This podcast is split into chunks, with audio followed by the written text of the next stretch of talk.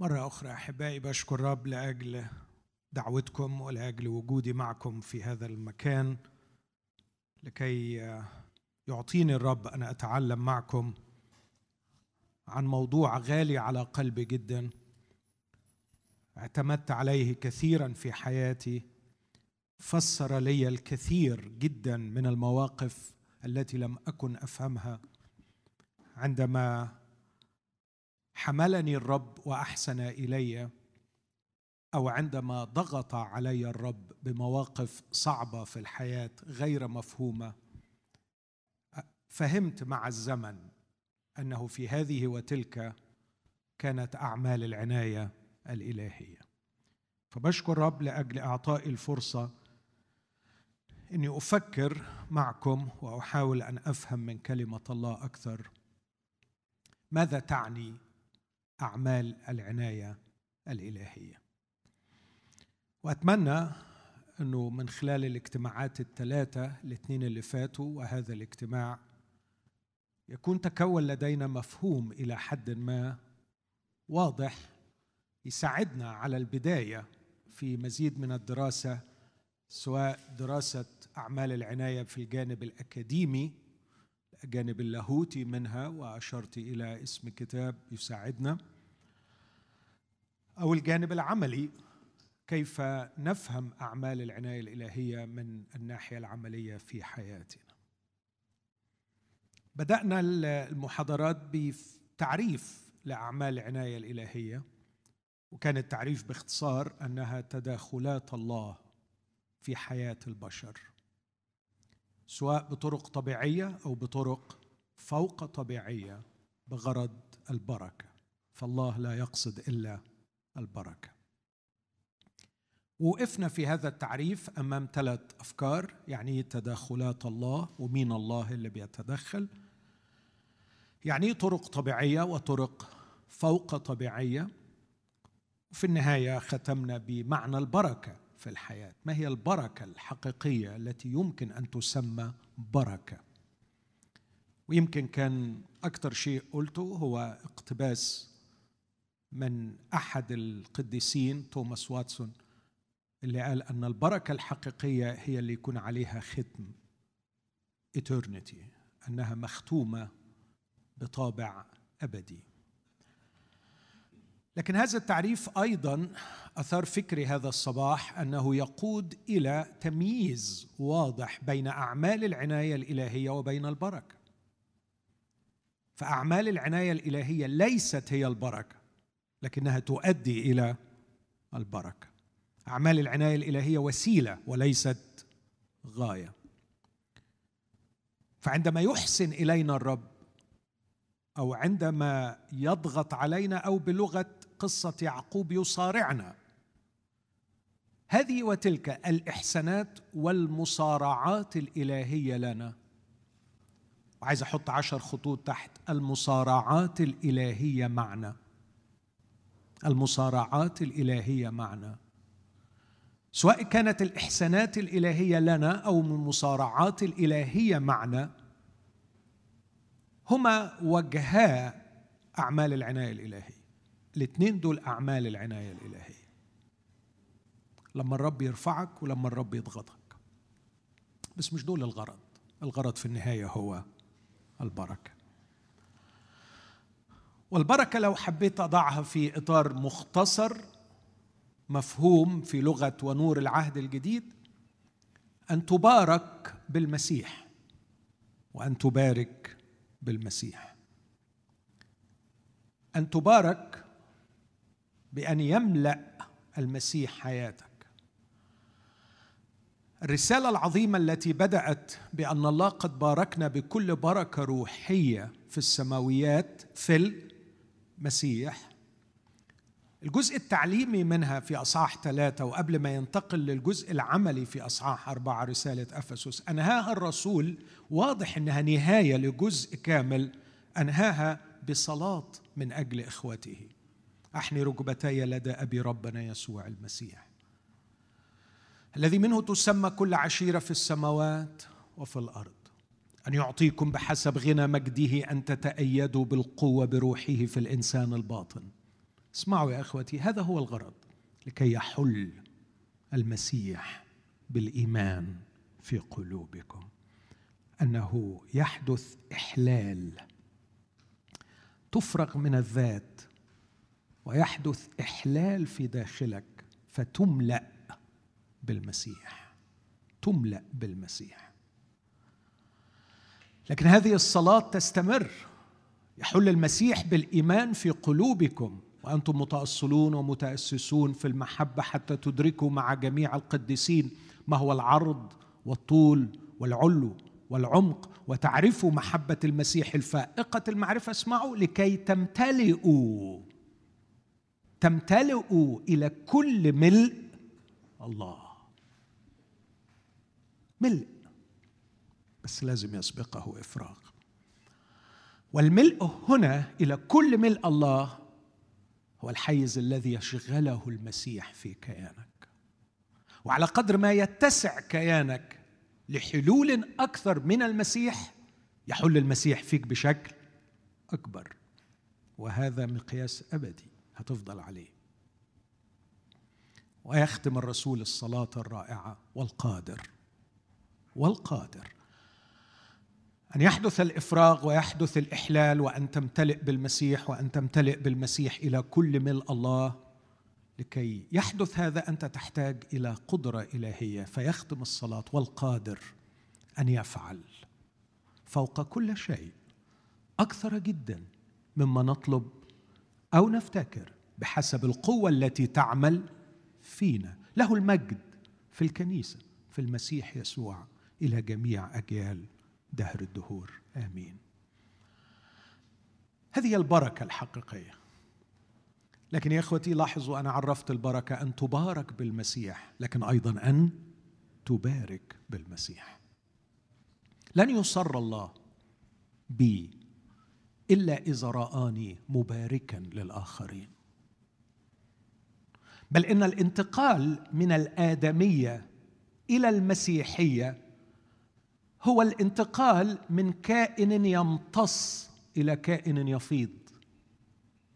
أن تكون ادميا ساقطا تسودك الخطية تعني أنك تحولت إلى ثقب أسود. كل ما يقترب منه يمتصه. أن تتحول وتتغير وتصبح مسيحيا. هو أن تصبح كائنا يفيض. هذا هو وعد المسيح. في اليوم الأخير العظيم من العيد وقف ونادى قائلا إن عطش أحد فليقبل إلي ويشرب. من آمن بي كما قال الكتاب تجري من بطنه أنهار ماء حي.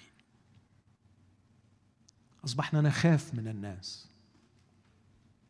ولينا حق نخاف. لأن الناس بتشفط بتمتص. الناس بتقيمك بناء على شيء واحد اللي يقدر يستفيدوا منك. المردود اللي هيعود عليه من العلاقة معك. لكن عندما غيرني الرب وصرت مسيحيا يصبح منهج التفكير كلما أرى إنسان كيف أبارك هذا الإنسان؟ ما الذي يمكن أن أعطيه لهذا الإنسان؟ قال لي شخص غير مسيحي. عبارة واحدة سمعتها منك ما بتنيمنيش الليل. يقول يصنع خيرا.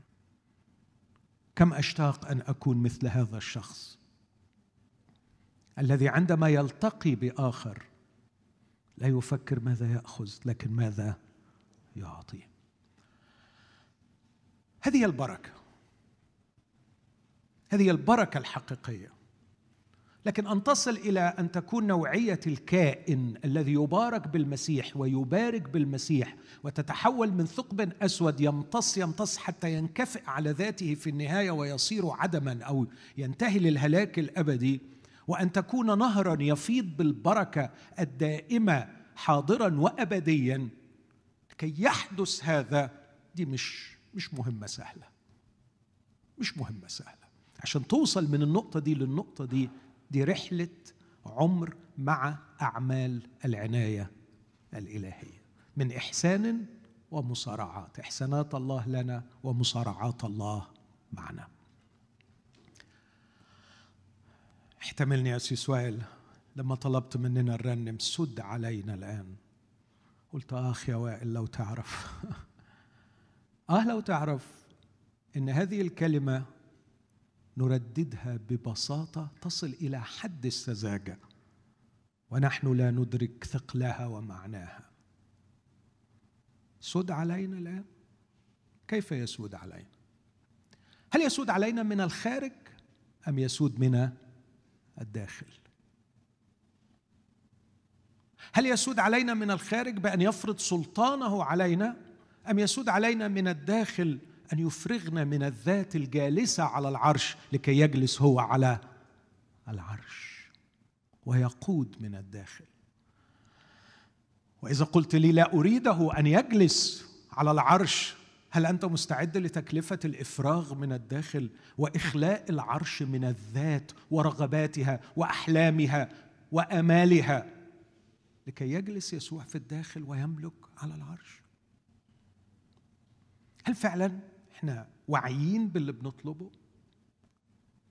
أن يسود علينا؟ وأتخيله واقفا حزينا متالما وهو يسمعنا نردد هذه العبارات. كانوا بيقول أنتوا بجد فاهمين اللي بتقولوه؟ أسود عليك وأملك فيك؟ قبل ما أملك في أرضك؟ تسمح لي أملك فيك؟ تسمح لي فعلا تبقى ليا بالتمام؟ عارف كل يوم قد إيه أفكار فيك بتعارضني؟ قد إيه كل يوم رغبات جواك بتعاندني؟ قد إيه كل يوم أنا بتصادم مع طرق تفكير في داخلك متمركزة حول ذاتك وأنا بصارع معاك علشان أخلصك منها؟ أنت ما تعرفش كم المجهود وصارعه إنسان حتى طلوع الفجر. هل تعلم اني قضيت الليل كله مع واحد منكم؟ أصارع أصارع أصارع. أنت بخلي حياتي عذاب معاك. أنا طول الوقت بصرعك علشان تتنازل. نزل أحيانا عن أحيانا رغبة واحدة جواك. بتاخد مني سنين علشان أفهمك بس إن الرغبة دي غلط ومش لخيرك. أحيانا منهج تفكير واحد ياخد مني سنين من وعظ وتعليم وإحسانات وضغوطات. أنا يا حبيبي أنا حبيبي بصارع معاك سنين علشان أغير فكرة أو أغير approach معين أو أغير attitude معين. أنت أنت ما تعرفش قد إيه أنت بتستهلك مني طاقة. بس طبعا ما انكرش إنك بمنتهى السهولة تيجي في الاجتماع وتقول سود علينا الآن وأنت مليكنا وأنا ليك بكلي وجملتي وأنا أعمل اللي أنت عايزه وأنت تقشر وأنا بس أنفذ. انت أنت مش عارف روحك أنت مش مدرك.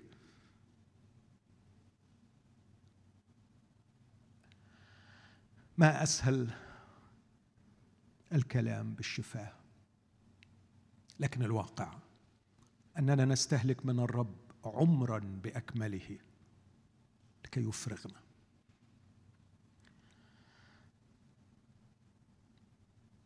حبيت أطبق المفاهيم دي من حياة يعقوب لأنه يعقوب واحد. تعرفين سفر التكوين الشخصيات البارزة فيه أربع أشخاص إبراهيم إسحاق يعقوب يوسف. أكثر واحد ارتبط اسمه بالبركة هو يعقوب. وأنا كان في ذهني أنه ربما الوقت يتسع وأتكلم عن يعقوب ويوسف وكنت ناوي أتكلم عن يعقوب تحت هذا العنوان اللي وضعته أنت أهم من راحتك. لأنه كان واضح جدا في منهج معاملات الله مع يعقوب أن الله مش همه أبدا مسألة راحته لكن كان همه كله مسألة بركته إن الله عايز يباركه. وتقدر تقول كده إن ربنا كان مصر ان يباركه غصب عنه. وفعلا باركه في النهاية غصب عنه خلاه يتحول إلى كائن مبارك. اقرأ الأصحاحات الأخيرة من سفر التكوين. مش يوسف اللي بيلمع في نهاية سفر التكوين. مش يوسف اللي بيلمع في نهاية سفر التكوين لكن اللي بيلمع في نهاية سفر التكوين هو يعقوب. وهو بيبارك فرعون مرتين يبارك ملوك الأرض. وهو بيبارك ولاد يوسف. وهو بيبارك أولاده. باركهم. آخر جزء حتى في الترجمة العمودين في فان دايك. أو الترجمة البيروتية. العنوان يعقوب يبارك أولاده. شخص يبارك. وكنت ناوي أتكلم عن يوسف بس ما فيش وقت. كنت هقول في قصة حياة يوسف أعمال العناية الإلهية بتتجه في حتة إنه أنت لست وحدك. مرات كثيرة بسبب مركزية الذات نتصور إنه أعمال العناية متجهة كلها ليا أنا كفرد وربنا مش حاطط حساب الناس اللي حواليا. لما تقرأ حكاية يوسف تلاقي أعمال العنايه الإلهية ما كانتش متجهة إليه هو كفرد فقط لكن كان في ذهن الله اللي حواليه وهو فهم كده. فبيقول لإخواته لما قابلوه بعد كده إنه أنتم قصدتم لي شرا الله قصد به خيرا. بس لاحظ هذا الخير هو فسره الراجل مش إن ربنا يجعلني ملك في أرض مصر. لا لاستبقاء حياة. استبقاء حياة شعوب كتيرة. فالخير في النهاية مش أنا موضوعه. أنا جيت في السكة وخدت خير أشكر الله. لكن الخير الحقيقي اللي يوسف حققه لاستبقاء حياة. إن الناس تتبارك إن الناس تعيش. فكان نفسي أتكلم عن يوسف في أعمال العناية الإلهية. اسمع العبارة من البداية في مزمور اللي اللي خدنا منه الآية دي إلى وقت مجيء كلمته مزمور 105 يقول أرسل أمامهم رجلا. أرسل أمامهم رجلا. بيع يوسف عبدا. آذوا بالقيد رجليه. في الحديد دخلت نفسه إلى وقت مجيء كلمته أرسل الملك فحله سلطان الشعب فأطلقه. بس خد بالك الآية بادية منين؟ أرسل أمامهم. يعني الغرض في الإرسالية دي هم مش هو. أنت هنا لست لذاتك. أنت هنا لست لذاتك. أنا عارف الكلمة دي وقعها مش حلو. اعترض عليها. اعترض براحتك. أنت هنا لست لذاتك. أنت للآخرين. هذا هو المبدأ الإلهي. كتبت زمان قصيدة بعنوان الموت البهيج الموت البهيج. وهي عبارة عن حوار لي مع دجاجة. دجاجة تقبل الذبح لكي تطعم الآخرين. وعندما رأيتها تحتفل وهي ترقص مذبوحة لأنها ستطعم جوع الصغار وتشد عود الكبار وتفنى فينا لكي تبقى لا تبقى في عشها لتفنى. وسمعتها تقول لي لم أخلق لأعيش حتى يضمر اللحم ويجف العظم ويسقط الريش. لكني موجودة موجودة لا لكي أحبس في قفص فرجة لكل لاه زائغ البصر. لكني خلقت لكي أطعمكم في حياتي بأثماري وأطعمكم في مماتي بحياتي. وعندما انبهرت منها وقلت لها من أين أتيت بهذه الحكمة؟ قالت لي علمتهاني أمي من الحبة. فقد التهمت حبات الذرى الكثيرة وماتت حبات الذرى في بطنها لكي تحيا أمي ولكي أحيا أنا. وتركتها وذهبت إلى الحبة. ما هذه الحكمة أيتها الحبة؟ قالت اذهب إلى حقول القمح. وانظر إلى أمي الحبة. كيف تقع في الأرض وتمت لكي لا تبقى وحدها. تملأ الحقل الجميل بالسنابل الذهبية. ويصبح المنظر رائع يبشر بالأمل والطعام للألاف لأن حبة قبلت أن تموت. وعندما تركت الدجاجة والحبة وذهبت للخالق نفسه وجدته يطبق ذات المبدأ على نفسه. فعندما قرر أن يهبنا الحياة لم يهبنا إياها إلا من خلال موته. ورأيت الخليقة كلها تخضع لهذا المبدأ. فلا حياة بدون موت. لكن هذا المبدأ يدور ويدور ويدور ويتوقف عند الكائن الساقط الوحيد الذي يريد موت الجميع لكي يحيا. هو ولا يريد أن يموت لكي يحيا من حوله. هذه الخطية يا أحبائي. هذه الخطية. أنا والآخرون من أجلي. المرأة من أجلي المتعة من أجلي الطعام من أنا أنا أنا أنا المركز. مش أنا حبة. تقع في الأرض وتمت لكي تطعم الكثيرين لكن أيتها النفس الحمقاء الجاهلة. آه لو تعرف التصميم الأصلي. أن السعادة القصوى. القصوى. The deepest happiness.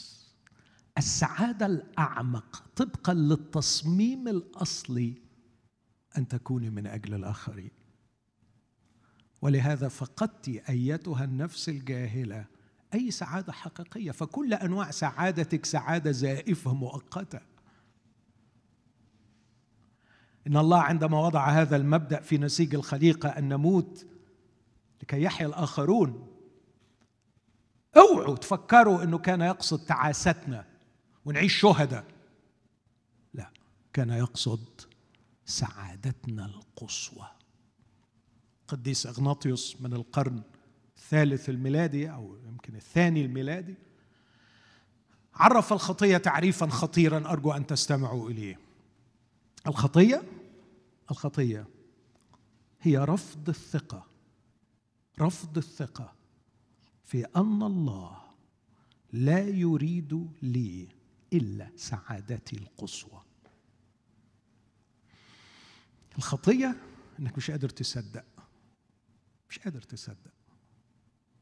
أنا خايف. خايف أجي ربنا أتكتف أتحرم. خبي إنه لم يخلقك إلا لكي تسعد بس نوع سعادة عميق حقيقي بأن تكون من أجل الآخرين. داروين وتلاميذه من بعده وشركاؤه في هذه النظرية.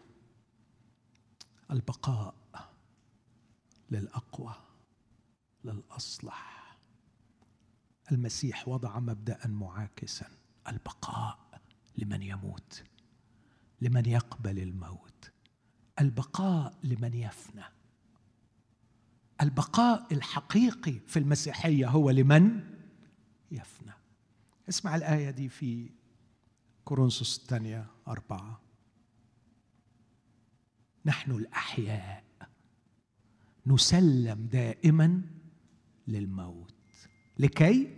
حد يكمل الآية دي. تظهر حياة يسوع في جسدنا المائت. نحن نقبل الموت لكي نحيا. هذه هي المفاهيم المسيحية التي غابت. إخوتي أقول بصدق المسيحيه النهارده كنائس تكتظ بالناس لعبادة الإنسان. لعبادة الإنسان.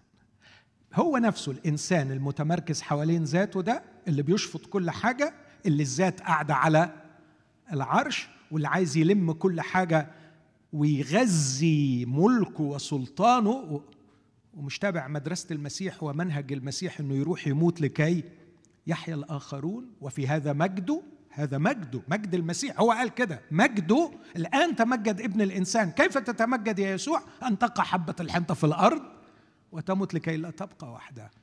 لكن الكنائس النهاردة أصبحت تجيب الناس تقعدهم على المقاعد وتغذي فيهم مركزية الذات. اسمعوني بقى في الحتة اللي جاية دي خطيرة شوية. هم يستخدمون كل شيء حولهم من أجل ذواتهم. الكنيسة بتضيف لهم حاجة تاني إنهم هيستخدموا ربنا كمان من أجلهم بس. والكنيسة شغلتها تدي لك التولز اللي تخليك تعرف كمان تستخدم ربنا من خلال حاجة كده بيسموها الصلاة. فالصلاة ما هي ما هو تعريف الصلاة؟ الصلاة هي وسيلة عظيمة تمكنك من استعمال الله من أجل نفسك. to meet ال desires بتاعتي والرغبات بتاعتي اللي مش قادر أجيبها بنفسي ومش عارف أحقق ذاتي كما ينبغي. حلو. الكنيسة بتقول هتحط إيدك على سر على مفتاح. تحط إيدك على ربنا. وتبقى manipulating الناس وكمان عارف ت manipulate الله نفسه من خلال حاجة اسمها الصلاة. بينما الصلاة الحقيقيه هي تغيير الوعي. من وعي متمركز حول ذاته إلى وعي متأمل في الله خارج من ذاته ويعيش من أجل الآخرين. اينشتاين له عبارة مذهلة تصلح لاهوت. لا يمكن أن تحل مشكلة بالوعي الذي خلقها. لا يمكن أن تحل مشكلة بالوعي الذي خلقها. لو ال consciousness بتاعك خلق مشكلة ما ينفعش نفس الكونشسنس علشان يحلها انت عشان تحل المشكلة لازم تغير الوعي. والمأزق البشري بسبب السقوط هو أن البشر لديهم وعي جوهره اساسه الإسنس بتاعه التمركز حول الذات والتأله. منذ أن قالت لها يوم تأكلان منه تكونان. كالله. تمركز حول الذات وعينا وعي عموده الأوسط جوهره التمركز حول الذات. ثم جاءت النظم الدينية تسهل للإنسان مزيدا من التمركز حول الذات من خلال شيء يسمى الصلاة يمكنونهم به من استعمال الله ليعمق فيهم ويجذر مركزية الذات. بينما ما نحتاج إليه. هي سلسلة المعاملات الإلهية. من صراع إلهي معنا على العرش. صراع يفرغنا ويحولنا. ويحول الوعي. من وعي يقودنا إلى مزيد من التمركز حول ذواتنا. حتى حتى في تعاملنا مع أولادنا. لما تشوف صراعات الآباء مع الأولاد تشعر على طول إن الآباء بيشعروا إنهم بيمتلكوا هؤلاء الأولاد. في تعاملنا مع ممتلكاتنا لا نتعامل باعتبارنا وكلاء صح؟ لا نتعامل بص على أي... يا أخي بص على نفسك لما تدخل أي قاعة فيها مئة شخص أنت شايف روحك فين؟ شايف روحك على الهامش؟ نو أنت أنت كل تفكيرك هم شايفيني إزاي؟ وهم هيقبلوني. إزاي؟ أنت مش بتفكر في غيرك أنت بتفكر في نفسك. فأنت المركز. ولو عممتها صدقني ولو قعدت معاك هوريها لك بوضوح أنت مش مركز القاعة أنت مركز الكون. بس أنت مش واخد بالك. أنت مركز الكون.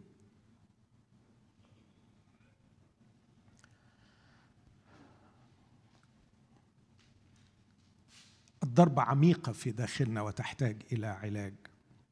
لكن الجميل أن ربنا وهو بيعمل عملية الإفراغ وهو بيصارعنا فأعمال العناية الإلهية هي مصارعة الله معنا. لكن خدوا بالكم أنا امبارح عرضت لستة من 12 إحسان و12 أزمة وقلت إن ال 12 أزمة بتوع يعقوب كان ربنا بيفرغوا بيهم. بس الجميل إنه هو بيفرغ ما حرمهوش من الإحسان علشان يسند.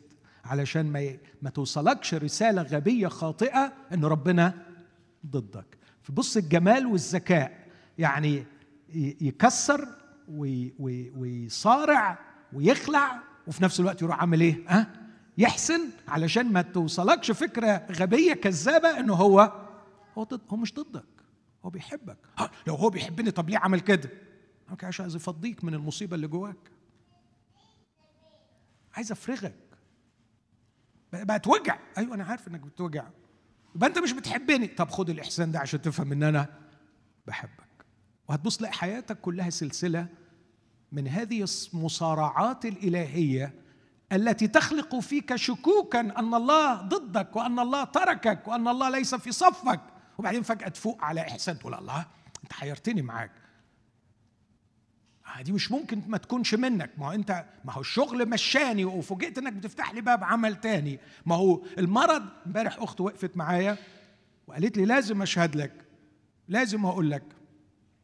نزلت مصر وأنا ال CT بتاعي بيقول كل جسمي مليان بال cancer ورحت في مصر وطلعت مفيش حاجة. امبارح واحدة أخت وقفت معايا هنا قالت لي الكلام ده. عندكم هنا في دبي. هو انت معايا ولا ضدي؟ أنا معاكي وأنا ضدك. ضد كيانك الداخلي اللي قاعدة الذات فيه على العرش. ومعاكي لأني بحبك ومش هسيبك إلا لما أكرمك بأعظم إكرام أن أباركك.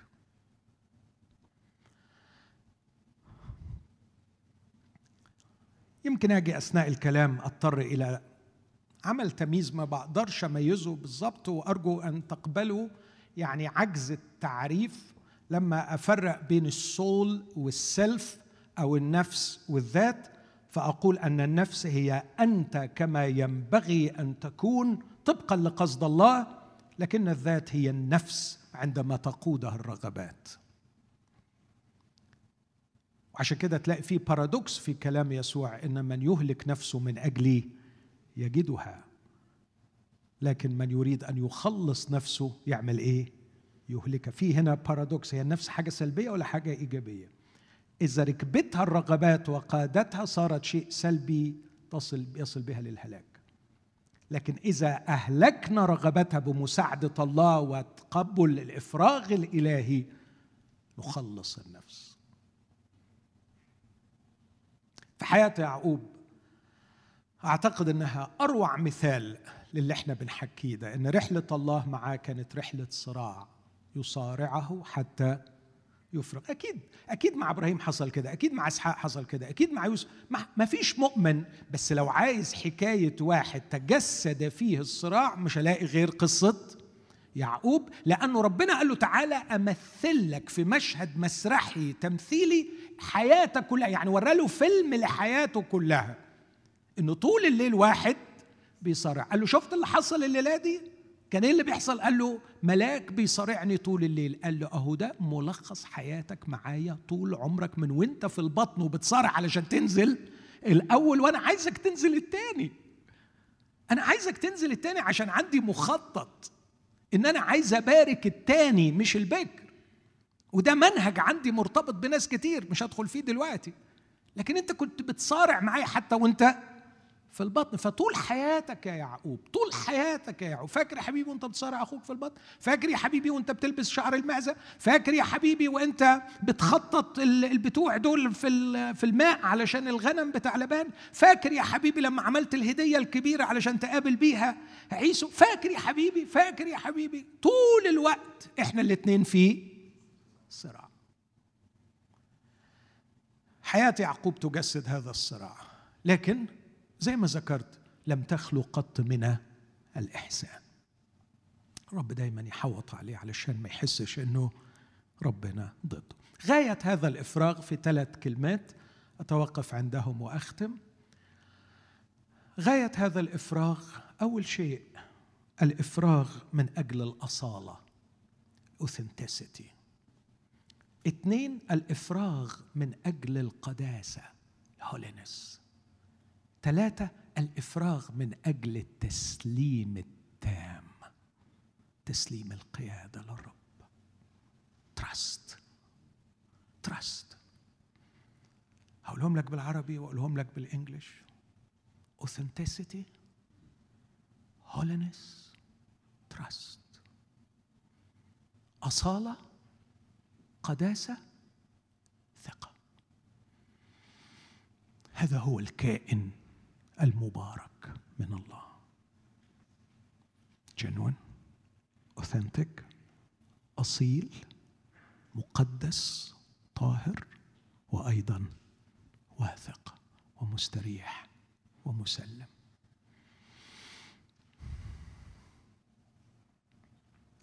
معظم رجال الله كانت معاملات الله معهم ونساء الله طبعا.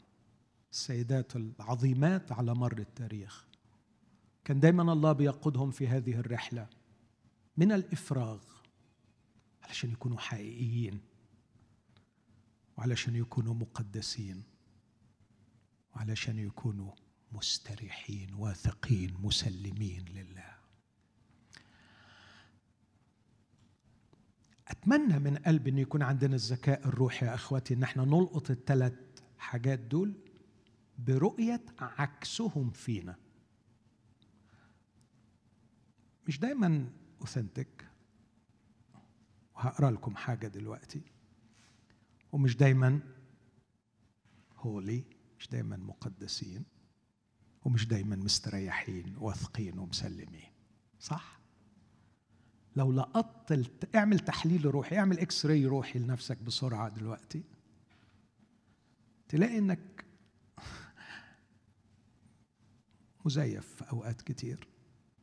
مش مش حقيقي. بص مش بقول كذاب ولا بقول مرائي. لا يعني دي أكيد مراحل من الان اوثنتسيتي عالية.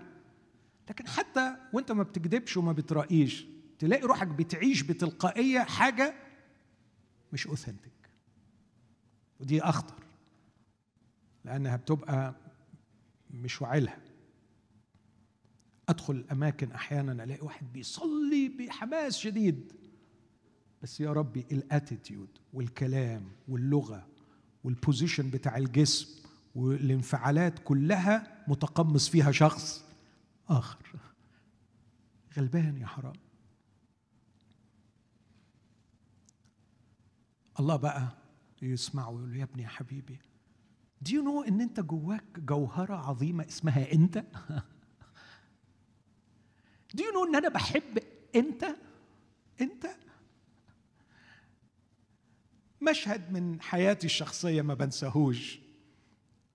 ابني الصغير جميل. فكنا بحكم الخدمة بنسافر بلاد كتير قوي. وفي وقت معين لما هو كان طفل صغير كنا بنسافر كتير قوي قوي أكتر من دلوقتي. فكنا ندخل بيوت كتير ونروح بلاد كتير والولد طفل وذكي ومتطلع للحياة وعايز يشوف إيه أفضل حاجة.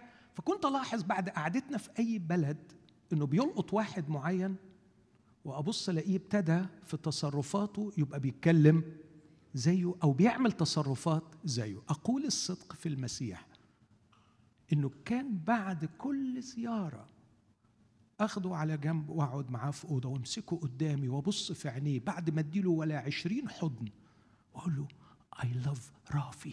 أنا بحب رافي. أنا عايز رافي يبقى رافي. عايزك أنت. أنا بحبك أنت.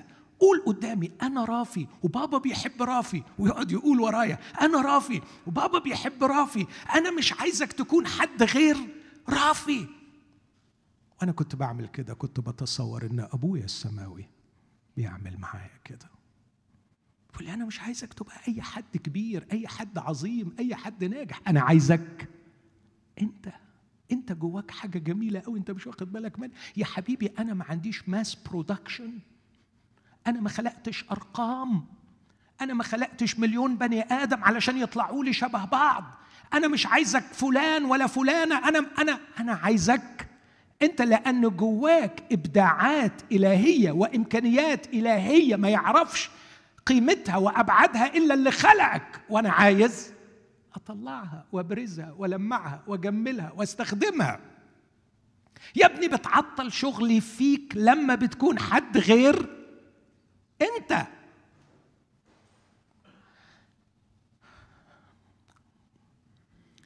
بابا بيحب عيسو.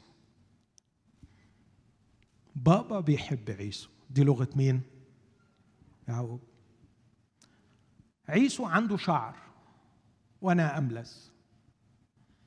عيسو بيروح يعمل صيد وأنا قاعد في البيت بطبخ عدس. أنا كبيري إن ماما تحبني بس أنا نفسي بابا يحبني. نفسي بابا يباركني. نفسي انعم برضاه علي. نفسي يمسكني ويقول لي أنا بحب يعقوب. بس الرسالة اللي وصلاني أنا مش هحب يعقوب إلا إذا بقي زي عيسو هذه هو مغزى القصة. هذا هو المعنى الروحي للقصة المرعبة اللي تجيب لعنة مش بركة. I have to be عيسو علشان أبقى محبوب.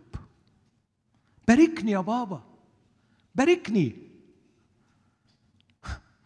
عشان أباركك في شروط. لازم تكون عيسو. باركيني يا كنيسة. اعمل اللي عليك. لازم تتوفر فيك شروط. اقبلوني يا مؤمنين.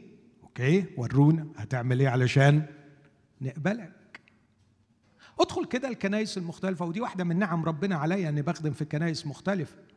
كل كنيسة ليها شروطها الغير معلنة العرفية. اللي الشخص بذكائه لو عايز تقرأ في الموضوع ده بيتر برجر واحد من أعظم ال sociologists في التاريخ كتب عن السايكولوجي بتاع الجماعة الدينية إنه الشخص أول ما بيدخل على طول بيلقط ال norms بتاعت الجماعة دي علشان تجعله مقبولا. وأول ما بيلقط ال norms ما حدش بيجيبه ويقعده ويقول له على فكرة ال norms بتاعتنا norms يعني مقاييس القبول أو العادات أو الطريقة اللي بيتكلموا بيها. ما حدش بيقول له تعالى يا ابني اعرف لكن هو بيلقطها بذكائه. مين مين الكبير هنا؟ مين المقدر؟ مين المحبوب؟ مين المقبول؟ مين اللي بيسقف له؟ طب أنا عايز كده. يلقط النورمز يقترب من الرموز يمتص النورمز يبتلعها يهضمها يبدأ يعمل إيه؟ يفرزها ويبالغ فيها علشان يوصل لهم رسالة يقول لهم شايفيني؟ أنا خلاص أنا بقيت منكم اقبلوني احضنوني ادوني الحضن اللي أنا نفسي فيه. ويدوا له الحضن. فأول ما ياخدوا الحضن يحصل له كده يعني نوع من التأكيد الكونفرميشن فيعمل إيه؟ يزيد يزيد. ويفكر إن دي رحلة روحية وهي لا رحلة روحية ولا هباب دي داينامكس الجماعة الدينية. ويتقدم صاحبنا يتقدم صاحبنا يتقدم صاحبنا. ويربح. بس تعرف في الآخر بيبقى خسر إيه؟ نفسه. ونفسه بعيد هناك متجرحة. ومرمية في ركن. لا هو اهتم بيها ولا حد اهتم بيها. وبتصرخ وبتقول له أرجوك اسأل فيا. خدني لحد يعالجني. أنا مش فاضيلك عندي اجتماع لجنة هيقدروني فيه. عندي اجتماع هتكلم فيه هيسقفوا لي بعده. وانتي غوري من وشي دلوقتي مش فاضيلك اسمعوا يا إخوتي. يعقوب سأل مرتين عن اسمه. مين أنت؟ قال له أنا عيسو بكروك. فاكرين؟ أنا عيسو بكروك. وربنا من فوق يقول له وأنا مش هباركك إلا لما تقول أنا يعقوب. وتكوين 32 مفتاح البركة. ما اسمك؟ وأنا يتهيألي كده وطى وقال له لا مؤاخذة لا مؤاخذة يعقوب يعني. عارفين في مصر يعني لما تيجي تقول حاجة كده وحشة تقول ما حدش ضحك لي إلا الشيخ أمير هو اللي فهم النكتة علشان. عارف مصر؟ يعني يعني لو unfortunately unfortunately I am يعقوب يعني. له بس دلوقتي أقدر اباركك ما تقولش لا مؤاخذة يعقوب. ما تقولش لا مؤاخذة يعقوب. بس بصراحة يعقوب ما عندوش شعر. يعقوب مش قوي. يعقوب مش جدع. بس تعرف يا حبيب قلب بابا إنه أنا من زمان قلت أحببت يعقوب وأبغضت. عيسى واو! هو أنت غير بابا؟ يا حبيب قلبي أنا غير بابا وغير الكنيسة وغير كل خلق الله. أنا بابا الحقيقي. إلا أحببت إلا مؤاخذة إلا أحببت يعقوب. سبيرجن له عبارة شهيرة. قال يسألونني دائما كيف يقول الرب أحببت يعقوب وأبغضت عيسو والذي يحيرهم أني أبغضت عيسو وهم لا يدرون أن سر العجب أنه أحب يعقوب. المشكلة في الآية دي مش أبغضت عيسو المشكلة في الآية دي أحببت يعقوب. هو هو إيه اللي يتحب فيه؟ بس هو ده الله. بحبك أنت. متجرح آه. متهان آه. مظلوم آه. مليان عيوب آه. بس هو ده أنا أحببت يعقوب. خد بالك بقى خدوا الآية دي وقصص على الاختيار ومش الاختيار ونغيب عن المعنى الرهيب الرائع الكامن فيها. نعمة الله. غير المشروطة في محبته لمن لا يحب ولا حتى بيحب نفسه. بصوا معايا في تكوين 32 عشان تشوفوا العملية الجراحية. العملية الجراحية ما كانتش خلع حق الفخذ. العملية الجراحية الكبرى كانت في النفس. فقعد يصارعوا طول الليل. طول الليل بيصارعوا علشان يخليه يرفض الزيف. سفر التكوين أصحاح 32 في مخاضة يبوق. أنا قلت امبارح وبكرر كلمة يبوق يعني إفراغ.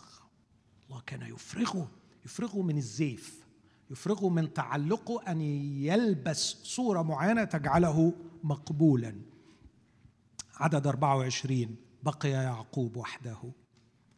صرعه إنسان حتى طلوع الفجر طلوع الفجر. ولما رأى أنه لا يقدر عليه يوري لك صعوبة المهمة بالنسبة لله. ضرب حق فخذه فانخلع حق فخذ يعقوب في مصارعته معه. وقال الرب اللي بيقول له اطلقني أنا تعبت لأنه قد طلع الفجر. فقال يعقوب لا أطلقك إن لم تباركني.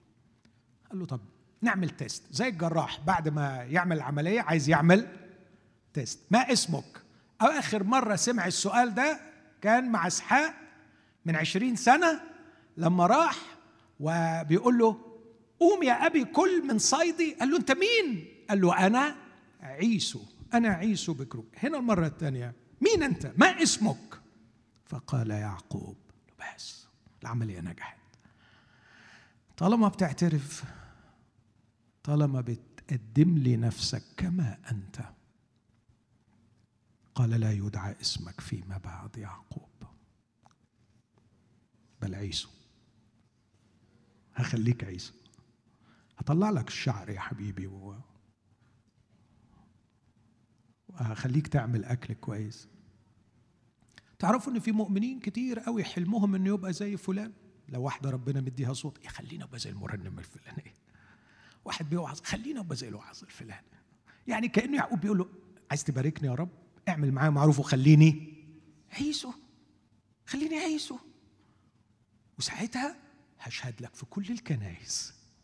وهقول الرب جميل والرب حلو والرب خلاني عيسو والرب اداني شهوة قلبي. اداني الموهبة اللي نفسي. آه بس لو كان ربنا يديني شوية مزيكا ولا صوت حلو ولا قدرة على الوعظ ولا يديني كده أبقى حاجة أو يديني فلوس. لا كتير منهم يقول لي أنا زعلان منه. ليه يا حبيبي؟ ما هو أنا بطلب منه فلوس. طب وايه اللي يزعلك في إنه متأخر؟ أصل أنا بطلب منه عشان أدي الفقراء. أنا نفسي كده أريح الناس اللي حواليا. حبيبي ربنا عايزك أنت. أنا هخليك. مش عيسو هخليك إسرائيل. وفهموا بقى معنى الكلمة دي يا أحبائي. إسرائيل هخليك أنا. أنا من خلالك. وأروع خلطة أجمل كائن تشوفه على الأرض هو الله عندما يتشكل في صورة إنسان هو أنت. علشان كده هو عايز الألوان تفضل متميزة فأنت تفضل بلونك وهو النور اللي يلمع من خلال اللون ده. فهتلاقي اللون اللي أنت بتطلعه ما فيش كائن تاني لا في الأرض ولا في السماء بيعرف يطلعه لأن أنت فريد أنت ليك ليك الطول الموجي بتاعك. أنت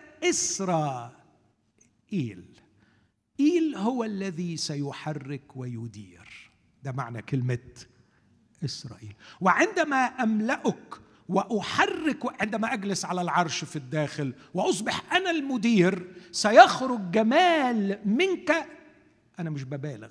لم يرى قط. لا في زمنك ولا قبلك ولا بعدك. لأنك يونيك. بس ده لما أقعد على العرش. وفج بالنور بتاعي. طبقا لتشكيلة شخصيتك هطلع ألوان هطلع جمال. لا في حد زيك حواليك ولا في حد قبلك ولا في حد بعدك.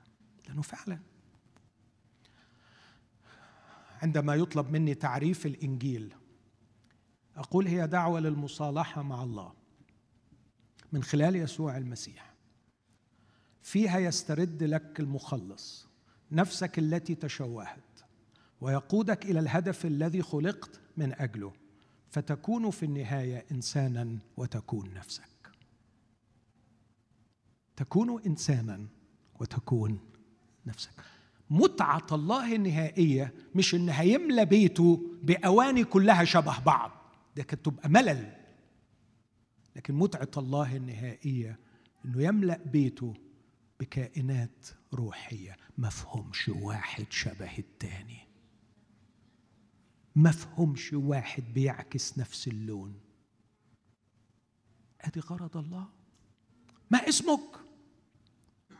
اسم يعقوب بس يا حبيبي.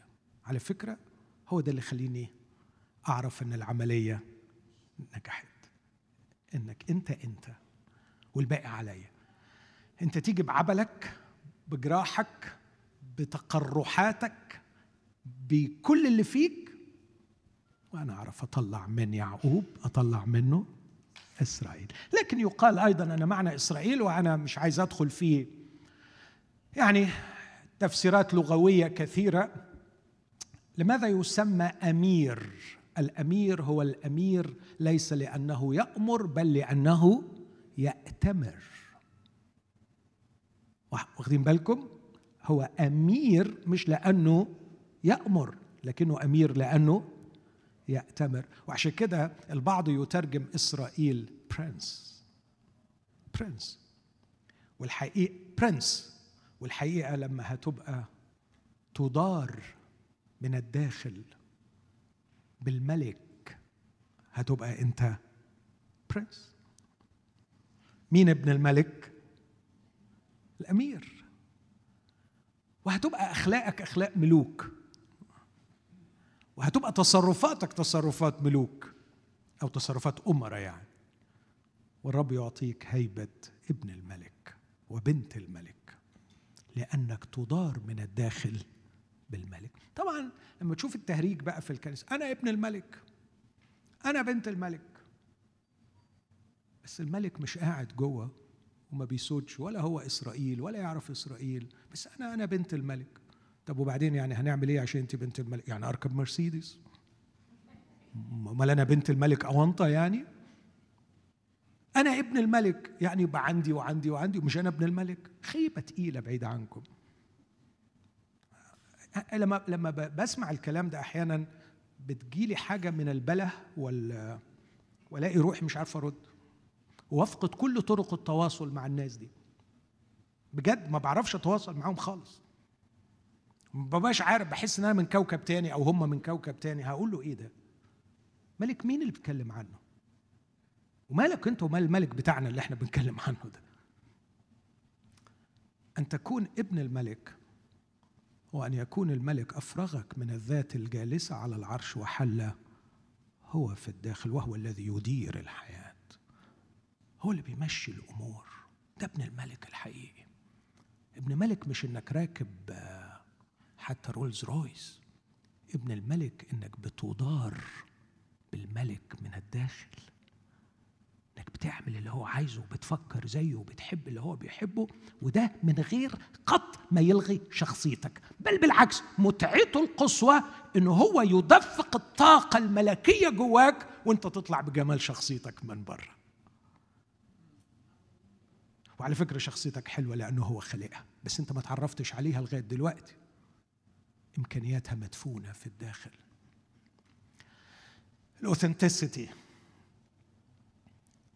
عايز أقرأ لكم حاجة كنت كتبتها زمان. بعدين لقيت quote لأحد ال psychotherapists الغير مسيحيين بس بيأكد الفكرة. اسمع. أنا مش فاكر كتبت الكلام ده فين لكن بقول صرنا نعيش في ثقافة تستثمر في الصورة وليس في الشخصية في الإيمج بتاعتنا قدام الناس مش في الكاركتر بتاعتنا قدام الله. وصارت حرفتنا وموهبتنا هي إدارة الانطباعات عنا. بدلا من إدارة الذات في داخلنا. أصبحنا مشغولين بال impressions اللي الناس هتاخدها عننا. وندير يعني impressions management. بدلا من self management بدل ما أني أدير ذاتي أدير انطباعات الناس عني. فلما أدخل في مجتمع ببقى محدد قوي إيه الانطباعات اللي هم اللي أنا عايزهم ياخدوها عني وامشي الحديث والحوار علشان يخدم الموضوع ده. فأقول الكلمة دي وأضحك الضحكة دي وأشارك بالنكتة دي وأعمل الحركة دي وأقول دي بالانجلش وأقول دي بالعربي وأتصرف كده علشان في النهاية ما أطلعش من القعدة دي إلا وهم واخدين طباعات معينة. بدل ما أبقى قاعد طول الوقت قول لي عايز إيه؟ علشان أدير ذاتي لحسابك. بدلا من إدارة الذات صرنا نتفنن في إدارة الانطباعات. والنتيجة الكارثية التي لا نقدرها كما ينبغي هي أننا أهملنا ذواتنا أو نفوسنا الحقيقية. فقدنا أصالتنا أمسينا أشباه بشر نسخ متقولبة. حدد فكرها ومشاعرها وشكلها وسلوكها رأي الناس فينا.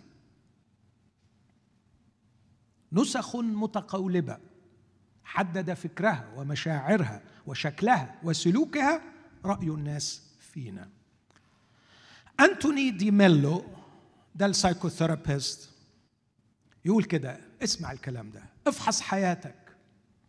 وانظر كم ملأت فراغها بالناس. والنتيجة هي أنهم أصبحوا ذوي سلطان عليك. انظر كم يتحكمون في سلوكك بمصادقتهم لك أو رفضهم لك. لهم السلطان أن يخففوا من وحدتك بصحبتهم وأن يجعلوا روحك تحلق في الأعالي بمدحهم أو يلقوا بك في الهاوية بنقدهم لك ورفضهم. راجع نفسك وأنت قد صرت تقضي كل ساعات يقظتك. محاولا أن تسترضي البعض أو تسر البعض سواء كانوا أحياء أو حتى الأموات منهم. تعيش بمبادئهم وتتكيف مع مقاييسهم وتنشد صحبتهم وتبغي محبتهم وترتعب من رفضهم وتشتاق إلى تصفيقهم وتخنع تحت الشعور بالذنب الذي دائما يلقون به عليك. حتى بت مرتعبا من أن تسلك ضد النموذج الذي حددوه لك في طريقة ملبسهم في أسلوب كلامهم في طريقة تصرفهم وحتى في منهج تفكيرهم. أنت متخيل؟ متخيل المأساة؟ ومين الضحيه في الآخر؟ تلاقيش نفسك. وتخيل لما تعيش الكلام ده سنة ورا سنة ورا سنة طب فين نفسك؟ هختم النقطة دي بسرعة وأقول عندنا مفهوم غريب عن السماء والجحيم وعن الأبدية وعن الحياة والخلاص. بتخيلوا كالآتي يعني حتى وأنا بفكر فيه الصبح كان نفسي أجيب كوبايتين واعمله عمليا كده علشان لكن إن شاء الله تتخيلوا معي. إن أنا عندي نفس والحيرة كلها النفس دي هتروح السماء ولا تروح النار؟ أنا عندي نفس. تروح السماء ولا تروح النار؟ وبعدين يجي لك حد لو شاف الحيرة بتاعتك يقول لك بسيطة. خلي النفس الموجودة دي تعمل وتعمل وتعمل وتعمل وإن شاء الله في الآخر العدالة الإلهية هتوزن لها أعمالها وإن شاء الله الكفة بتاعتك تطب وتعدي. في نوع تاني يقول لك لا الموضوع مش بالإنجازات بتاعت النفس لكن بال quality بتاعت النفس فالإنسان الصالح من كنز قلبه الصالح يخرج الصالحات فلما نوع النفس ال quality بتاعتها فهو في النهاية ربنا هيشوف آه، ال quality الكويسة يدخلها والفرز الثاني والثالث يعمل إيه؟ يعني يروح. أنا عايز أقول أنت من الأصل ما عندكش نفس عشان تروح بيها السماء ولا تروح بيها النار. أنت محتاج تكون النفس. انت عندك مشروع نفس قابل للتكوين ومشروع النفس اللي حيلتك اللي قابل للتكوين تم إفساده بالمجتمع وبالخطية الخطيه من جواك والمجتمع من براك فانت عندك مشروع نفس مليان بالطين وإمكانيات مهلهلة وانت ما تعرفش تطلع منها لأنه الحقيقة اسمعني البلو برنت بتاعها هو تطلعها تعملها إيه؟ مش موجود عندك موجود عند الخالق. مشروع الخلاص في المسيح يسوع إنه بياخد النفس دي يروح مفضيها من الطين ويبدأ يعمل إيه؟ يبدأ عملية التكوين حتى تصبح إناء كفء للحلول الإلهي فيه. وساعتها اسمعني تلقائيا تلاقي روحك مش مع الله. الله فيك. وانت فيه. أما إذا أهملتها أما إذا لم تفرغها من الطين أما إذا تركتها مشروع مشوه ولم تفعل لها شيئا مش الله هيرميها في الجحيم. لكن الجحيم يصبح في هذه الحالة نتيجة تلقائية لأن السماء معدة لنفوس قد تكونت للسكن مع الإله. يسكن معهم يكون لهم الها ويكونون هم له شعبا. فأنت اللي حكمت على نفسك أن تظل غير صالح للسكنة مع الله. فالجحيم في النهاية مش ربنا جات له حالة غضب وثورة وقال لك يلا بره هو ما فيش حاجة يقول لها بره هي مش موجودة. هي هالكة.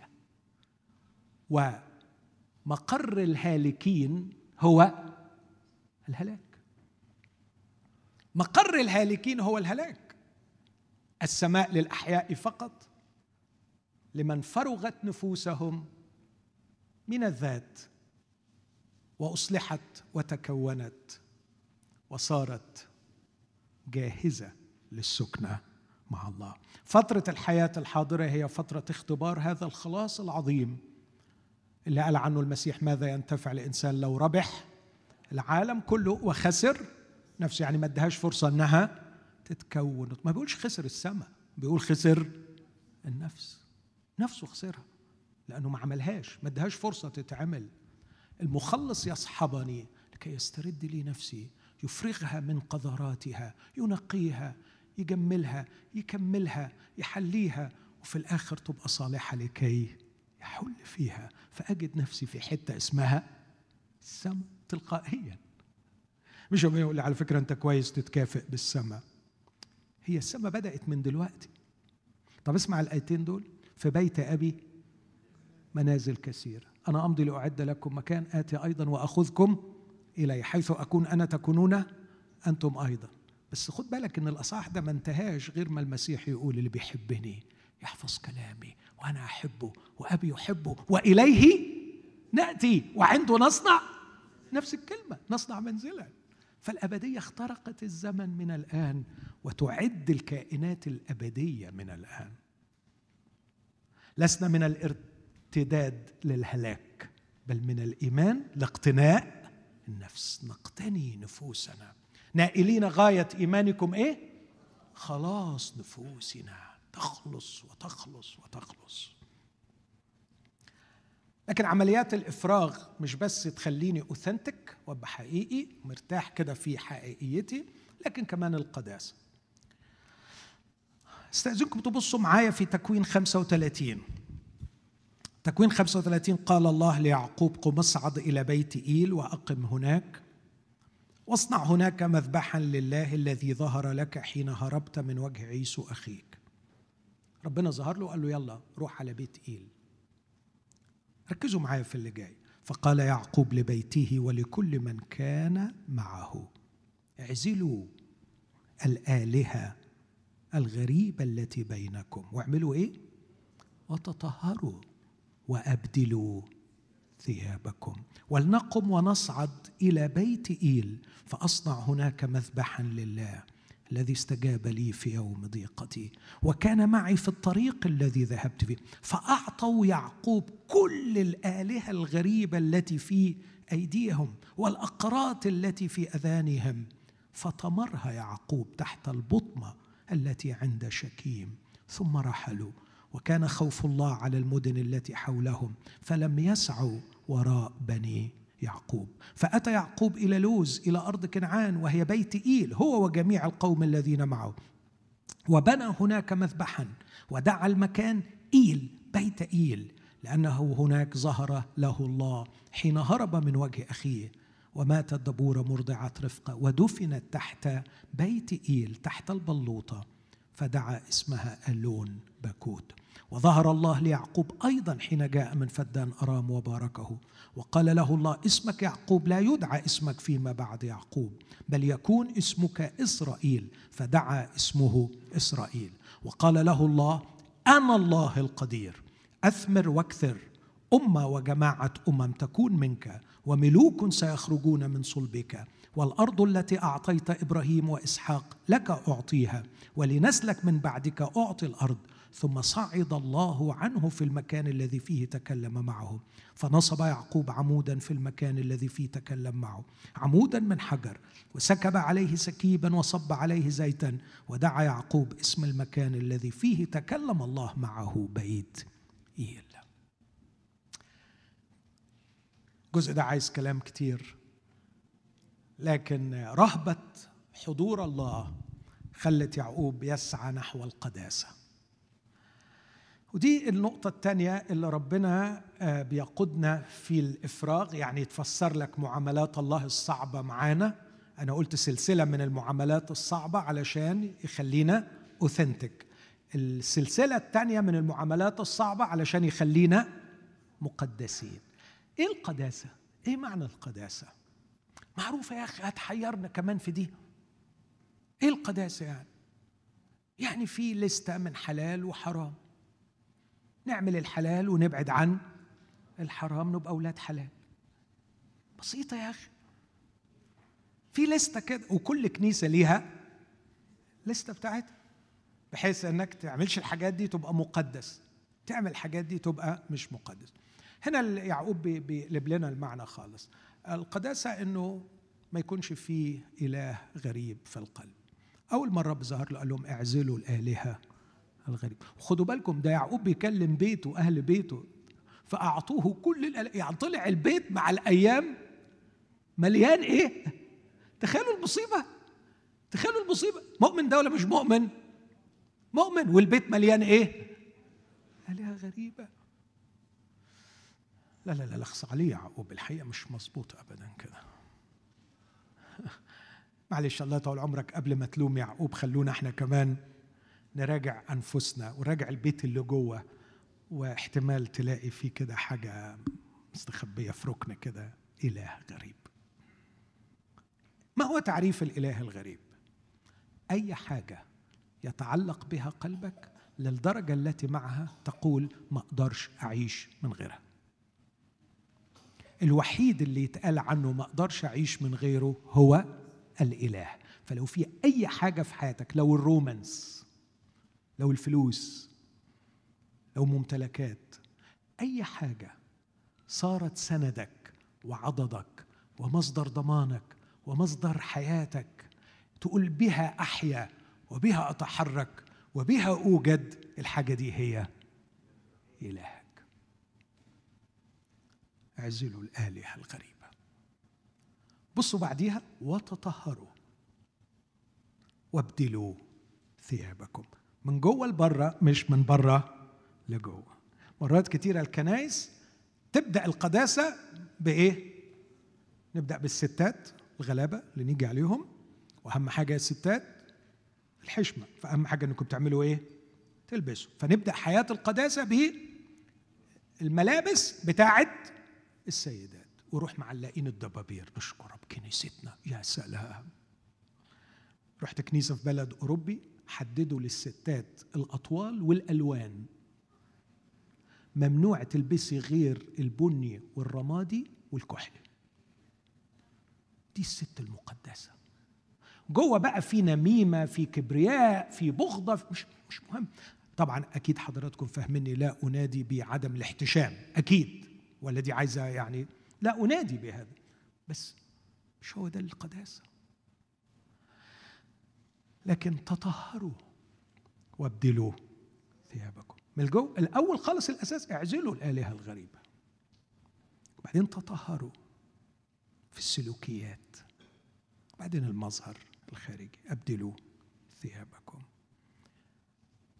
مع القداسة بقى حصلت حاجة تحفة. إذا كان لسه باقي في تركيزكم خمس دقايق ادوهم الله يخليكم علشان دي خسارة إنها تترمي على الأرض. في حاجة هقولها دلوقتي خسارة إنها كده تروح جاهزين؟ أقول يعني ولا ما أقولش؟ طيب لما قابلوا في 32 وكان القضية هي الأوثنتسيتي وإنه يكون أصيل وباركوا وقال له اسمك لا يدعى يعقوب بل إسرائيل خدتوا بالكم إنه في 35 كرر نفس الكلام وقال له لا يدعى اسمك يعقوب بل إسرائيل بيأكد الموضوع بس في فرق كبير. في تكوين 32 يعقوب لما لقيه باركه قال له بس ده إحنا كده بقينا حبايب وواضح إن أنت حبيتني وواضح إنه خلاص المسائل كده. طب ما تكملها بقى وتقول لي اسمك إيه؟ ما اسمك؟ مش أنت سألتني على اسمي؟ خليني أنا كمان أسألك على اسمك وندخل كده في شركة وعلاقة مع بعض. يا حبيب قلبي دي يلزمها قداسه دي لسه لسه شوية عليك. قال له ما اسمك؟ فاكرين رب رد عليه إيه في, تسني... في تكوين 32 لماذا تسأل عن اسمه لا ما حدش يقول وهو عجيب. عجيب دي بتاعت منوح أبو شمشون. لكن هنا قال له لماذا تسأل عن اسمي؟ في كل مكان أظهر عنايتي بك وأحبك بل وأحيانا أباركك. لكن أن أكشف لك اسمي يحتاج الأمر إلى جو من القداسة تتحمل فيه إعلان اسم الله. هاش حاجة وبس. إن الله يريفيل يكشف من هو. ده موضوع مرعب لو ما كنتش عايش حياة قداسة. هنا بقى من غير ما يعقوب يطلب هو قال له اسمك يبقى إسرائيل واسمع بقى. أنا الله القدير. أنا الله إيل شداي ذا اولمايتي أنا الله القدير. هباركك وأكثرك. ملوك منك يخرجون كشف الله عن من يكون ليعقوب بعد رحلة طويلة من الإفراغ وبعد رحلة طويلة من التقديس. في كل مكان يمكن أن نتمتع بعناية الله وببركة الرب لكن ليس في كل مكان نتمتع بأن يكشف لنا الرب عن ذاته. عشان كده بستغرب لما الاقي حد عايش حياة عك وحياة غلط. وبعدين يقول لك الرب كشف لي نفسه وكلمني وقال لي. و...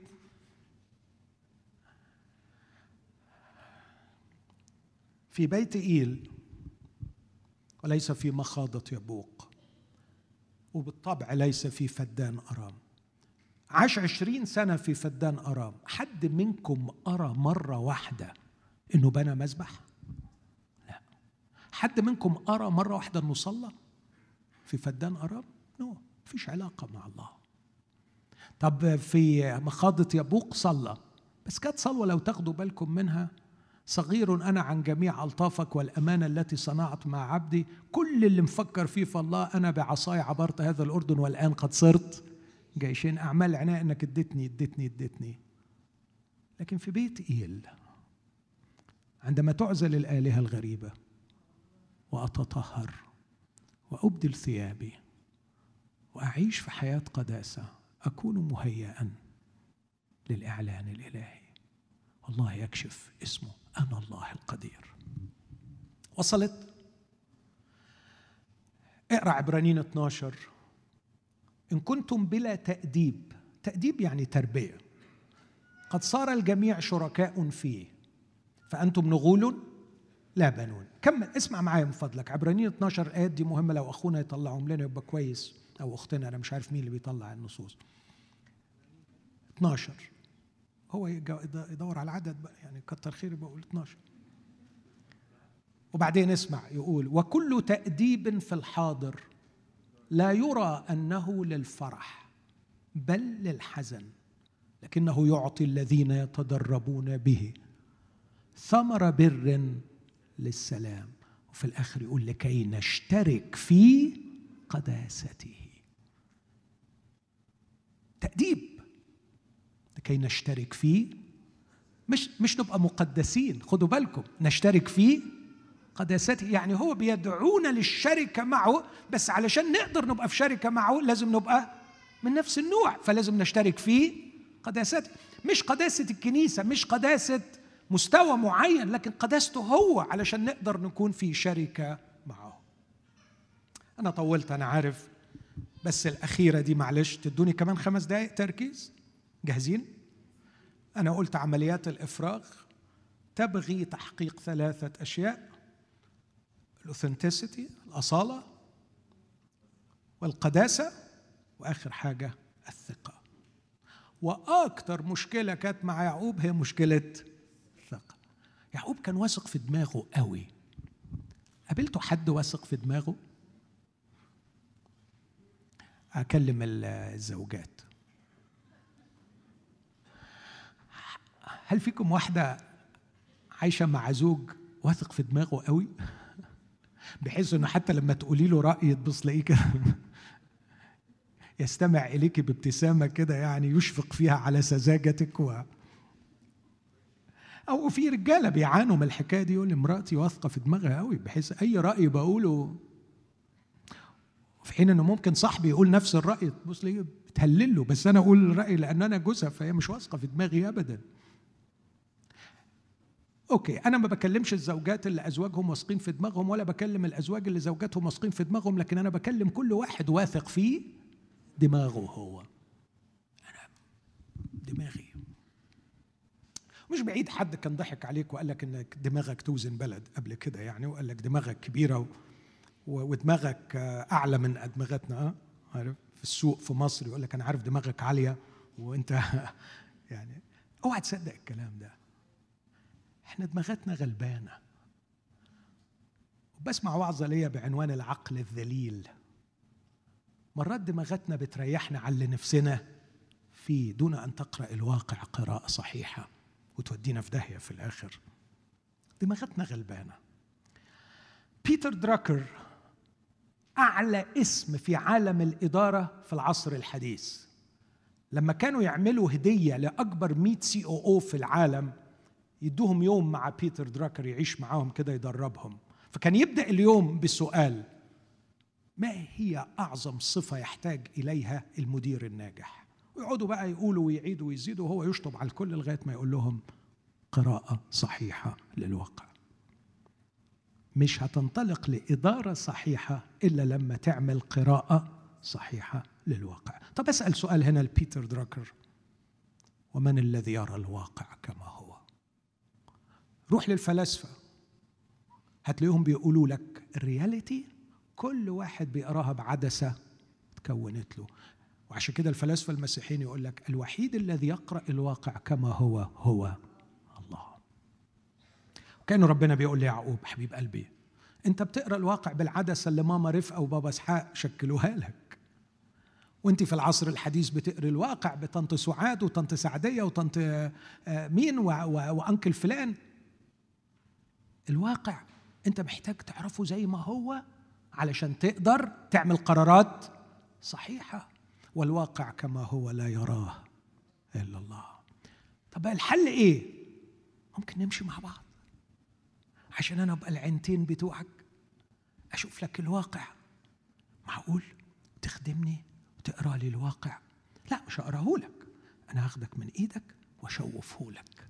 وده أسلوب إدارة الله لحياتنا. لسنا عبيد نسير وراءه كالعميان. لكنه مبصر يقود تلاميذ مبصرين. أمين؟ أنا لا أقبل اطلاقا بحكاية الإيمان الأعمى همشي ورا ربنا وأنا مغمض. مفيش كده. مفيش كده. لكنه مبصر يقود مبصرين. يقول لي بص بص بص شايف إيه؟ أقول له شايف كذا وكذا. يقول لي لا لا تعالى من هنا علشان تشوف. وتبقى الحياة مع الله متعة في الشركة لغاية ما يخليني أشوف اللي هو شايفه. فاعمل القرار الصحيح. آمين؟ ده اللي كان يعقوب مش عارف يعمله. يعقوب مش عارف يشوف اللي ربنا شايفه فكان بيشوف لروح. اسمعوا يا إخوتي اسمعوا أصل البلاء. يوم تأكلان منه تكونان كالله عارفين الخير والشر فأخذت حواء من الشجرة وأكلت وأعطت رجلها فانفتحت. يعني كانوا عميان قبليها؟ لا. لكن المعنى اللاهوتي إنه من اللحظة دي ابتدوا يشوفوا لنفسهم. يعني معناها إن قبل كده كان مين اللي بيشوف لهم؟ الله. الإفراغ غرضه يرجعك من مرحلة بتشوف لنفسك إن الله هو اللي يشوف لك. وأنا عايز أطمنك نظره حلو وبيشوف صح. أتذكر موقف في حياتي لا يمكن أن أنساه كان تغيير 180 درجة وسبب بركة أحصد نتائجها حتى الآن. يوم ما قال لي لو جيت معاك أنا اللي أسوق ولو أنا سوقت ما تسألنيش على فين. أنا اللي أحدد وأوري لك السكك. كتبت مرة قصيدة بتقول لست أدري إلى أين أمضي لكني وثقت بمن معه أمضي. لست أعرف شكل الطريق لكني وجدت نعم الرفيق. وبسبب هذا الاختبار سميت ابني رفيق علشان كل ما أبص له أفتكر إني لا أسير بمفردي أسير بصحبة أبي أبي يسير معي ودائما يهمس في أذني يا ابني أنا أرى أعلى منك أنا أرى أوسع منك أنا أرى أعمق منك حاول يا ابني أن تنتظرني لكي أجعلك ترى ما أراه. أنا لا تسلك بحسب مرأى عينيك لكن انتظرني. أمين. إمتى تسلم؟ إمتى تثق فيه؟ ما كانتش صعبة. ما كانتش سهلة على يعقوب وما كانتش صعبة على ربنا لكن من خلال معاملات مؤلمة. هقرأ لكم آيتين وبعدين أكتفي. بصوا معايا في سفر التكوين اصح 43 صح 43 عدد 11 فقال لهم إسرائيل أبوهم. طبعا يعني دي بعد سلسلة حوارات ونقاش من الولاد معاه علشان يسلم ويديهم مين؟ بنيامين. فاكرين القصة دي وبرجعوا قروها. ما كانش عايز يطلع بنيامين. هو بيدير الموقف. وكانوا بيقول ما حرام اصله اتلدع قبل كده. قال ما أنا طلعت أخوه وما رجعش. فمش هعملها تاني. مش هطلع بنيامين. وهم عاملين يعني يفصلوا معاه سيب بنيامين سيب بنيامين. بس في الآخر قال كده. فقال لهم إسرائيل أبوهم عدد 11 إن كان هكذا فافعلوا هذا. خذوا من أفخر جني الأرض في أوعيتكم وانزلوا للرجل هدية. بص بس نوع الهدية هنا. غير الهدية بتاعت عيسو زمان. قليلا من البلسان وقليلا من العسل. وكثيراء ولذنا وفستقا ولز... يعني لسه برضه إيه شوية في حتة إيه؟ to manipulate يعني. هنخلص الموضوع شوية هدايا. دماغه عالية مش كده؟ دماغ يعقوب لسه. بس أرحم كتير من زمان لما يعمل هدية وجيشين ويقسم وبتاع. أرحم كتير يعني. الدنيا اتحسنت خالص. بس شوف هتشوف حاجة حلوة بعد شوية. وخذوا فضة أخرى في أيديكم والفضة المردودة في أفواه عدالكم ردوها في أيديكم لعله كان سهوا. وخذوا أخاكم وقوموا ارجعوا إلى الرجل. بص عدد 14 بص الروعة. والله جابها منين دي؟ إحنا لسه قايلينها لو نسيتوها أزعل. جابها منين دي؟ ما القداسة المحطة اللي قبليها. لما ربنا كشف له عن نفسه وقال له أنا الله القدير بص الإعلان بقى بيجيب فاعلية إزاي؟ بص الإعلان أفاده إزاي؟ قال لهم روحوا للراجل ومش بتعتمدوا على الهدية ولا بتعتمدوا على ذكائي وعلى خططي لكن أملي ورجائي وثقتي هو في هذا. الله القدير يعطيكم رحمة. حبيبي لا يعقوب أنت كده وصلت. يعطيكم رحمة أمام الرجل حتى يطلق لكم. بص الثقة ابتدت بقى إيه؟ تزيد. يعني مش بس يرجع بنيامين لكن كمان يطلع لكم شمعون. يطلق لكم أخاكم الآخر. وبنيامين. طب وانت؟ إذا حصل عكس كده وأنا إذا عدمت الأولاد. عدمتهم خلاص. أنا عفرت كتير وقعدت الواد جنبي. ما يروحش الغيط مع أخواته ما يروحش يرعى. واليوم اللي طلعته فيه ما رجعش. وبعتهم يجيبوا أكل شمعون ما رجعش. فأنا خلاص تعبت تعبت تعبت. أنا سلمت. إن عدمت الأولاد. واو فاكرين لما امبارح قلت لكم اعمل إيدك كده؟ يعقوب عامل إيده إزاي دلوقتي؟ كده؟ لا خلاص. مش عارف أمسك اللجام ولا الزمام. ما عدتش أعرف أسوق. سقت. تهت. غلطت. طب هتستند على إيه؟ على حاجتين على قدرته وعلى رحمته. الله القدير يعطيكم رحمة. فيطلق لكم أخاكم الآخر وبنيامين. ربنا قال له برافو! وهدي لك حاجة على البيعة. هرجع لك شمعون وهرجع لك بنيامين وهدي لك حاجة على البيعة. تعرفوا إيه البيعة؟ يوسف اللي انت كنت فاكر إنه راح. شوف يوم ما سلمت حتى اللي عدى عليه 22 سنة. وانت فاكر انه ضاع. تري محفوظ يا حبيبي ويرجع لك. تخافش ابدا. بس ثق وسلم واطمئن. وأنا أعرف أدورها. أعرف أدورها. تعرف إن أنا حفظت لك على يوسف؟ بشكل لا يخطر على بال. حفظته من القتل؟ حفظته من إنه يتباع في أي حتة؟ حفظته إنه من يشتريه أي واحد؟ حفظته من إنه يتسجن في أي سجن؟ حفظته بمواقيت علشان يوصل لعرش مصر. تخافش يعقوب بس يا ابني اتعلم انك تثق وتسلم. والحقيقة عرف الدرس فأقرأ لكم كمان أصحاح 46 بص المنظر الجميل ده. خلاص بقى يعقوب آه، الحكاية كملت. وقالوا له يوسف حي. ومتسلط على كل أرض مصر. عارفين قال إيه؟ قال يوسف حي. خلصت. أذهب الآن لأراه وأموت. مش عايز حاجة من الدنيا تاني. بس أشوفه وأموت. وعايز أموت فعلا. علشان عيني بعد ما تشوف يوسف مش عايزها تتلوث بأي حاجة تاني. خلاص آخر حاجة في حياتي أشوف يوسف ومش عايز حاجة تاني. يلا خدوني إلى يوسف أراه وأموت. قالوا له يلا بينا. فارتحل إسرائيل وكل ما كان له. وأتى إلى بئر سبع وبئر سبع هي الحدود ما بين كنعان وما بين مصر. وراح واقف وراح واقف. ومش بعيد ولاده يقولوا له بابا إيه؟ يلا يلا. يقول لهم لا لا معلش عندي مشكلة هنا عندي مشكلة. عايز أقدم آه، مش ذبيحة لكن ذبح ذبائح لإله أبيه إسحاق. لإله أبيه إسحاق. اشمعنى هنا قال إله ابي إسحاق؟ أصله في مرة إسحاق كان نازل مصر. وبعدين ربنا ظهر له وقال له أوعى تنزل لمصر. افتكر الحتة دي. بس أنت اسم الله عليك يا عقوب من إمتى يعني بتعمل حساب قوي؟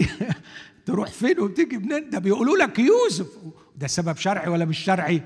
واحد رايح يشوف ابنه. قول لي إيه الغلط فيها بقى؟ إيه الخطية فيها دي لو جبنا مليون قديس وسألناهم وقلنا لهم الراجل ده يحل له يروح مصر ولا ما يروحش يقولوا إيه؟ ده لو ما راحش يبقى مجنون. 22 سنة ما شافش ابنه وهو فاكر إنه ميت. يعقوب هنا بيقول لك لو قال لي ما تنزلش مش هنزل. أنتوا متخيلين؟ جبتها منين؟ كمل النص. لآله أبي فالله عرفه بقى. حبيبي مالك؟ مش عايز أغلط تاني ومش عايز أخد قرار من دماغي لألا تكون نزلة مصر دي نزلة مهببة زي اللي عملتها لما رحت عند لبان وجبت الروح الكافي قول لي أنت شايف إيه وأنت عايز إيه. فكلم الله إسرائيل في رؤى الليل وقال يعقوب يعقوب. لا. فقال ها أنا ذا. فقال أنا الله إله أبيك. لا تخف من النزول إلى مصر لأني أجعلك أمة عظيمة هناك. أستنتج استنتاج من عندي. أستنتجه من بين السطور. وال بتقول لي ما تخافش أنزل مصر متشكر. وهتجعلني أم عظيمة هناك متشكر. بس مش ده اللي أنا عايزه. أنا عايز حاجة تانية. تيجي معايا؟ تيجي معايا؟ ما أنا بقى اللي اتنفق اللي اتلسع من الشوربة ينفخ في الزبادي. أنا مش هعتب حتة إلا وأنت كمل ويقول له أنا أنزل معك. حلو الإله ده؟ حلو الإله اللي يقول أنا أنزل معك. هو أنا غالي عليك كده؟ هو هو أنا محبوب قوي كده؟ أنا أنزل معك إلى مصر وأنا أصعدك أيضا. ويضع يوسف يده على عينه فقام يعقوب من بئر سبع قبل ما ياخد الوعد ده مش من تحتها. أنا مش هتحرك عشان يوسف هناك. حبيبي من حقك. حقي مش حقي مش هتحتح إلا لما تقول لي أنا جاي معاك. وأرجوكم أنتوا كملوا بقى. عندنا أربع أباء. إبراهيم يدخل عند فرعون منكس الرأس. منكس الرأس. إسحاق آخر منظر من حياته يعر. منظره وحش. مراته بتضحك عليه وبتخلي الواد يغش.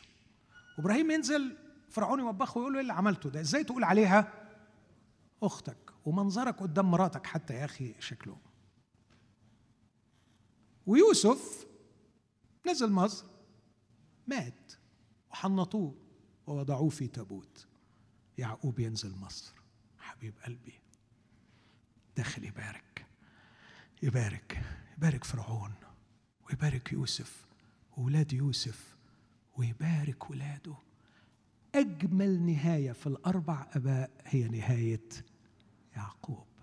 بعد أن حدث الإفراغ جاءت البركة وصار ممتلئا بالله وصار مباركا للآخرين.